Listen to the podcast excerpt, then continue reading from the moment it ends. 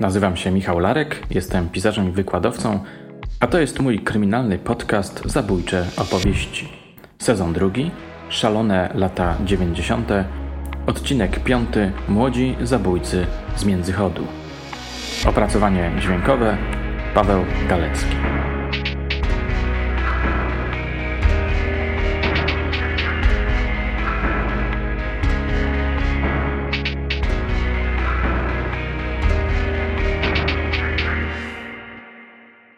Ta sprawa zrobiła na mnie duże wrażenie, powiedział mi oficer policji, który nadzorował ją jako naczelnik Wydziału Dochodzeniowo-Śledczego Poznańskiej Komendy Wojewódzkiej. Gdy zapytałem dlaczego, odparł, że fascynują go zaginięcia. Rzeczywiście jest coś niezwykle ekscytującego w tego typu zdarzeniach. W swoim czasie opowiem w ramach zabójczych opowieści kilka historii, których głównym tematem jest właśnie tajemnicze zaginięcie – w tym jedno nierozwikłane, niestety. Co to za sprawa? Niewiele śladów zostało po niej w sieci. Udało mi się odnaleźć zaledwie jakieś odpryski, fragmenty, drobiazgi. Będę się więc głównie odwoływał, tak jak w ostatnim odcinku, do tekstu zamieszczonego w Wydziale Miłosława Czarneckiego. Ale w związku z tym, że on nie prowadził bezpośrednio tego śledztwa, rzecz jest trochę jakby zamglona. Pewne szczegóły zostały zatarte, zapomniane. Niemniej historia jest mocna, smutna, ale i pouczająca. Pouczająca dlatego, że pokazuje, iż determinacja śledczych, ich upór, empatia może niekiedy przełamać impas i doprowadzić do wykrycia sprawców w sytuacji, zdawałoby się, beznadziejnej. Posłuchajcie. Jest 22 kwietnia 1998 roku.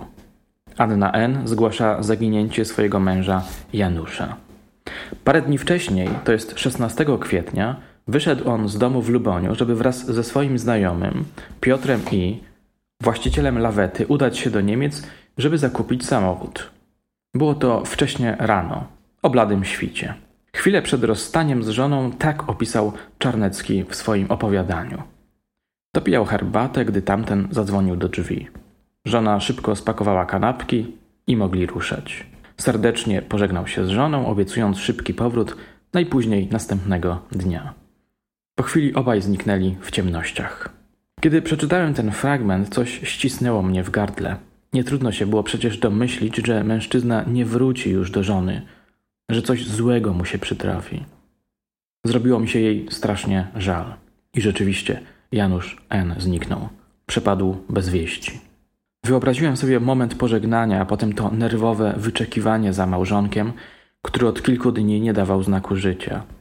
I na moment przerwałem lekturę, tak jakbym chciał powstrzymać nadchodzące, nieubłaganie nieszczęście. Policja, czyli Komenda Wojewódzka w Poznaniu, przyjęła zgłoszenie i zebrała się do pracy. Ustalono, że mężczyzn do miasta, gdzie czekała na nich laweta, miało podwieźć dwóch młodzieńców zamieszkałych w Międzychodzie. 23-letni Rafał Esz oraz 17-letni Krzysztof G.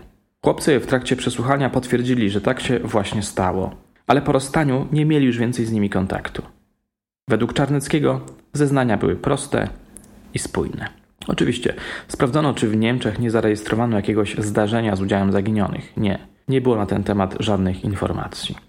Próbowano dotrzeć do Piotra N. Niestety, on też zapadł się pod ziemię. Wykluczono, że zabił Janusza i uciekł z pieniędzmi. Ta wersja śledcza nie zyskała aprobaty. Taka suma, 18 tysięcy złotych i 2 tysiące marek, nie pozwoliłaby na zaczęcie nowego życia i równoczesne ukrywanie się przed policją. Sprawdzono wątek osobisty Janusza. Może zniknął, ponieważ chciał uciec od żony, zorganizować sobie na nowo życie, gdzie indziej, z kim innym. I ta wersja jednak nie przypadła do gustu prowadzącym sprawę. Odchodząc od żony, mógł to zrobić inaczej. Nie musiał budzić się o wpół do piątej rano i angażować firmy transportowej pisze Czarnecki. A i te zabrane pieniądze może na początek wystarczą, a potem co? Zaczynać życie od nowa w obcym środowisku, w tym wieku?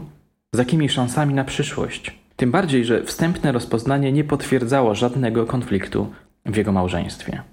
Kolejna wersja śledcza zakładała, że mężczyźni popadli z kimś w konflikt w Niemczech i dlatego zginęli.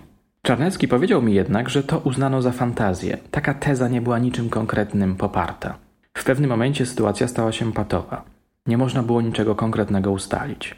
Nie wiadomo było, w którym kierunku iść. Brakowało świadków, którzy coś widzieli, coś mogliby podpowiedzieć, coś zasugerować. Czy mężczyźni zostali zabici? czy tylko uprowadzeni? A może jednak ukryli się przed rodzinami, świadomie nie dają znaku życia? Zakwalifikowano tę sprawę jako uprowadzenie, ale podskórnie wszyscy czuli, że Janusz i Piotr zostali zamordowani, prawdopodobnie w celu rabunkowym.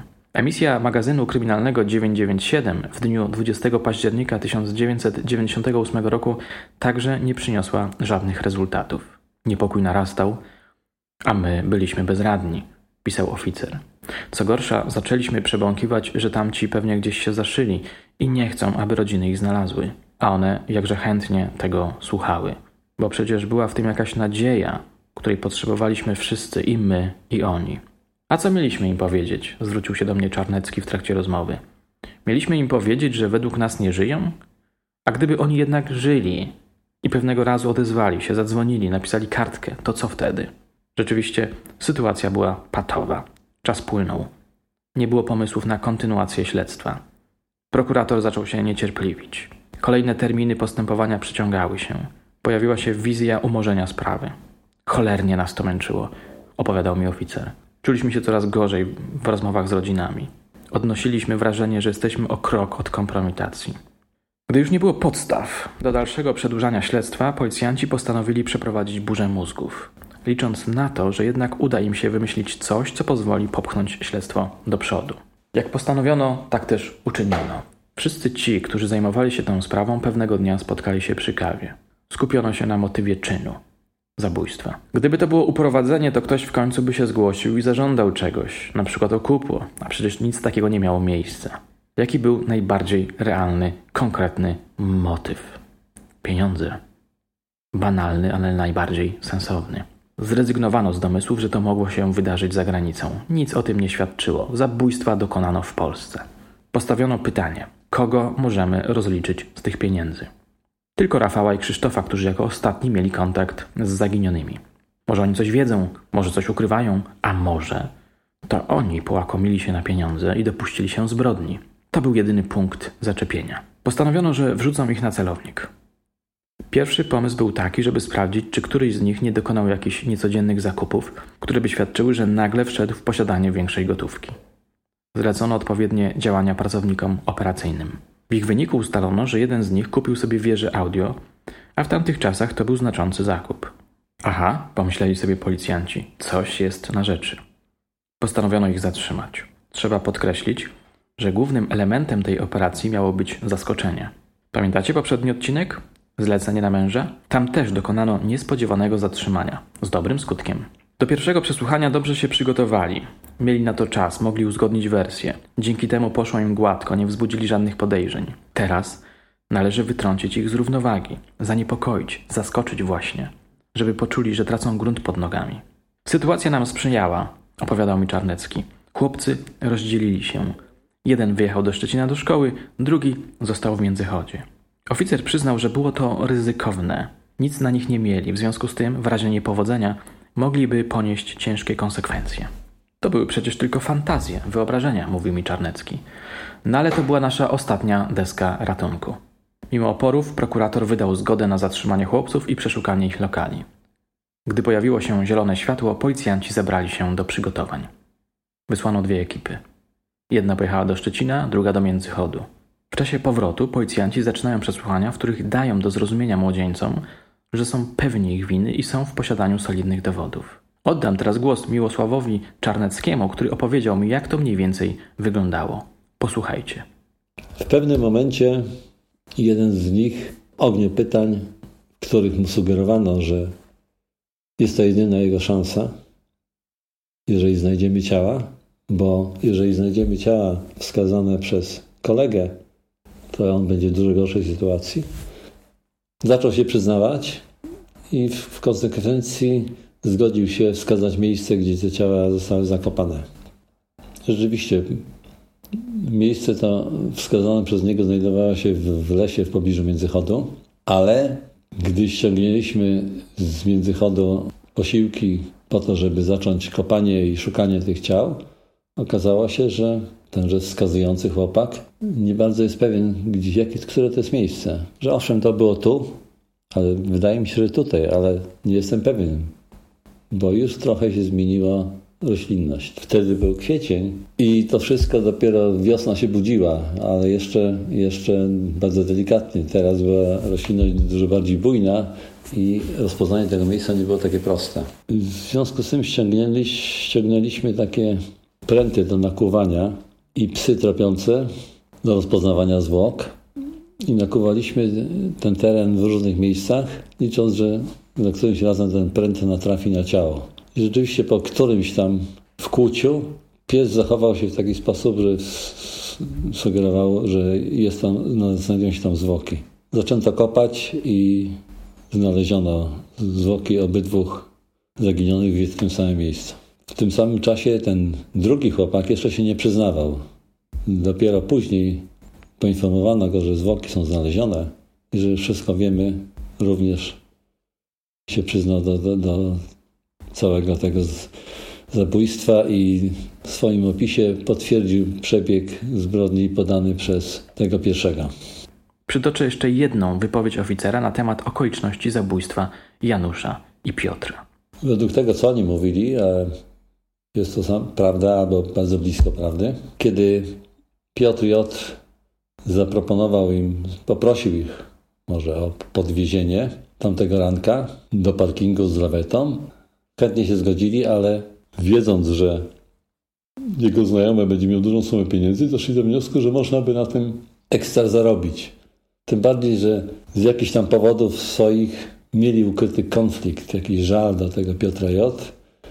i doszli do wniosku, że będzie to okazja do rewanżu. Przygotowali się w ten sposób, że w bagażniku samochodu schowali metalowe handle do ćwiczeń w siłowni, które miały być narzędziem zbrodni.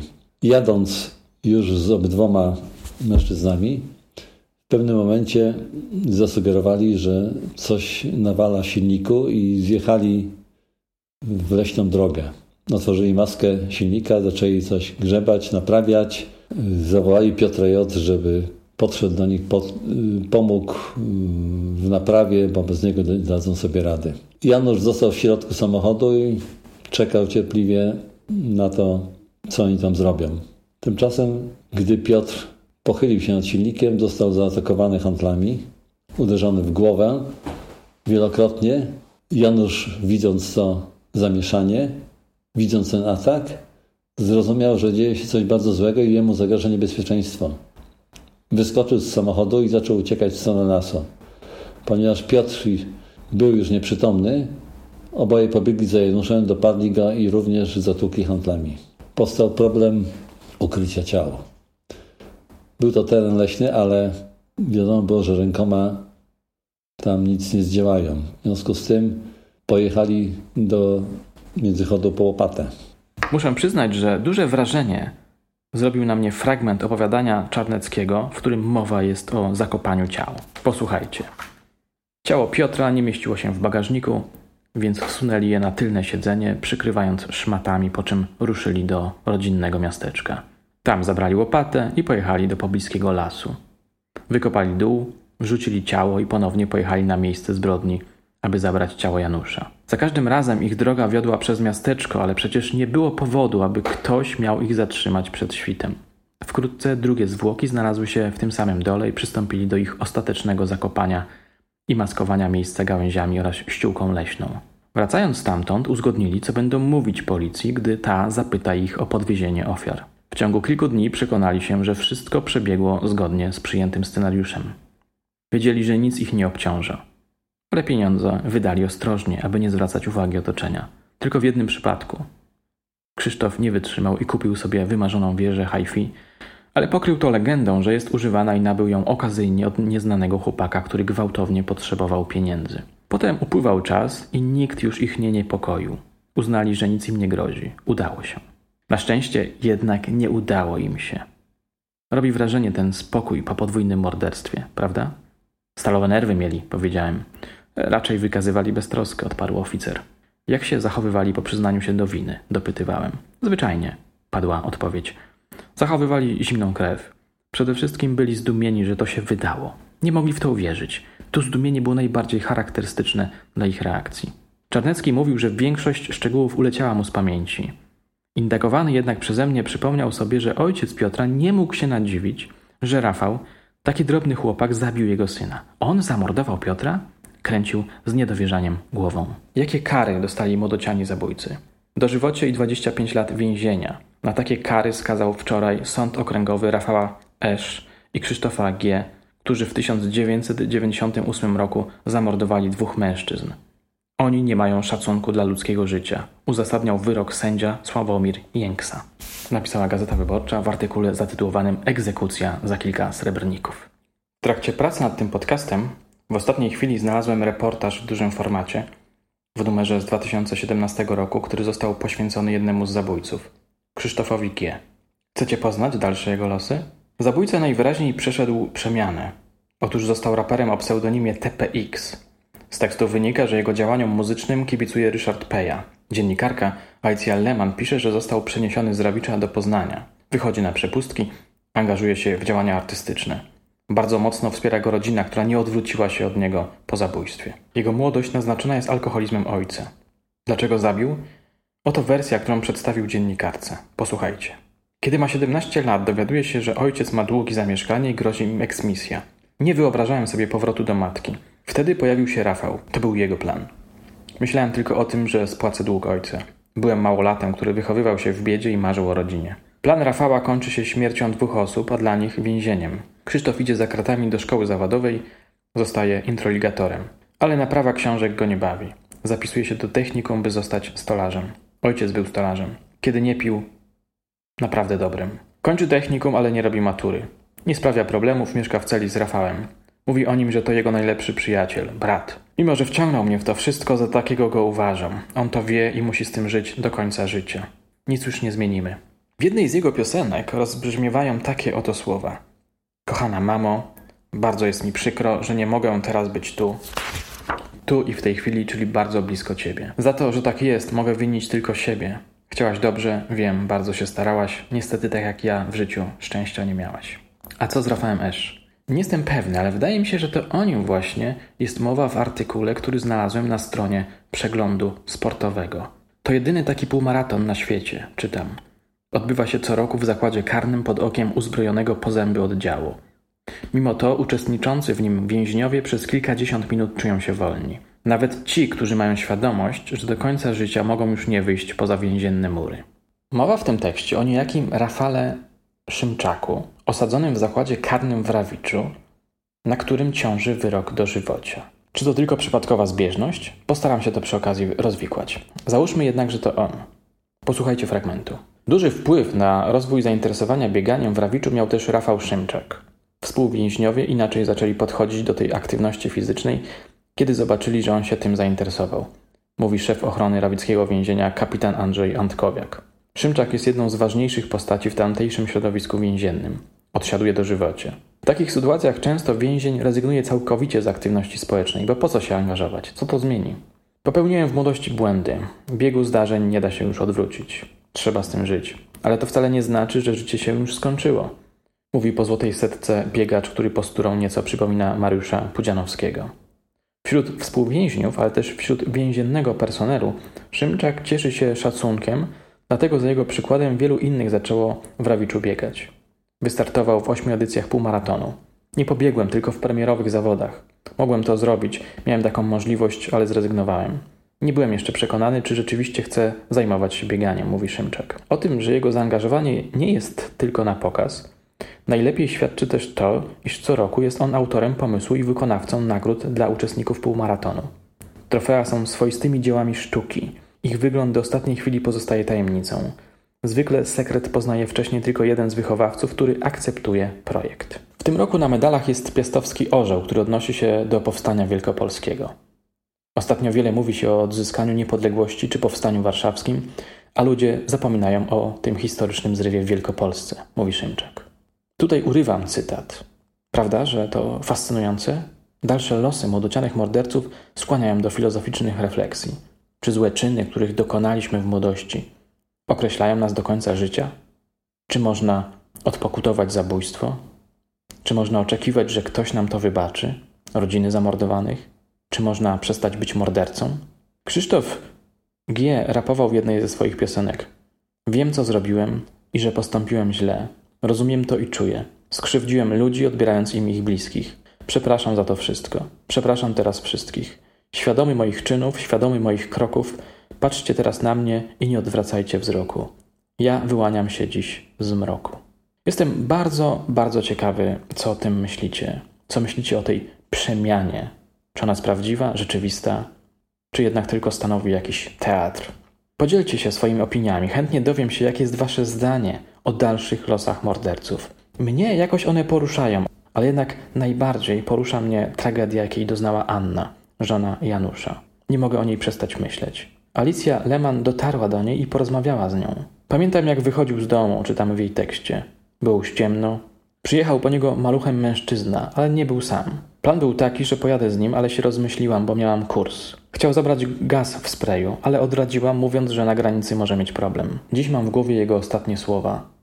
Gdybym nie wrócił, to mnie szukaj. Odsyłam Was do tego reportażu. Jest bardzo poruszający. Przedstawia tę historię z kilku perspektyw. Z perspektywy rodzin ofiary, z perspektywy zabójców, z perspektywy ich znajomych. Na koniec przytoczę Wam dwa cytaty. Są to słowa żony Janusza oraz matki Piotra. Anna, żona Janusza. Kiedy znaleźli męża, musiałam go zidentyfikować. Dało się tylko po bliznach. Nie pozwoliłam synowi zobaczyć ciała. Nie wiem, jak to wszystko przeżyłam. Czas leczy rany, ale zadra jest. Choć wyszłam drugi raz za mąż, nigdy tej zbrodni nie wybaczę. Nie wierzę w zmianę. Teresa, matka Piotra. Ta tragedia mnie zniszczyła. Jestem schorowana, ledwo żyję. Pół roku szukaliśmy ciała, żeby syna pochować. A oni w bezczelny sposób balowali za te pieniądze. Przebaczyłam przed Bogiem, ale im nie wybaczę nigdy. Nie wierzę w żadną resocjalizację. Moje drogie, moi drodzy, tutaj urywam tę historię, która jednak w pewnym sensie cały czas trwa. Na koniec jedno ogłoszenie.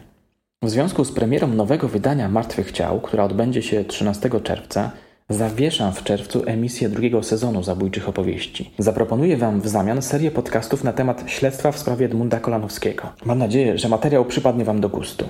Tymczasem dziękuję Wam za życzliwą uwagę. Zachęcam wszystkich do lajkowania, komentowania oraz subskrybowania mojego kanału. Do usłyszenia.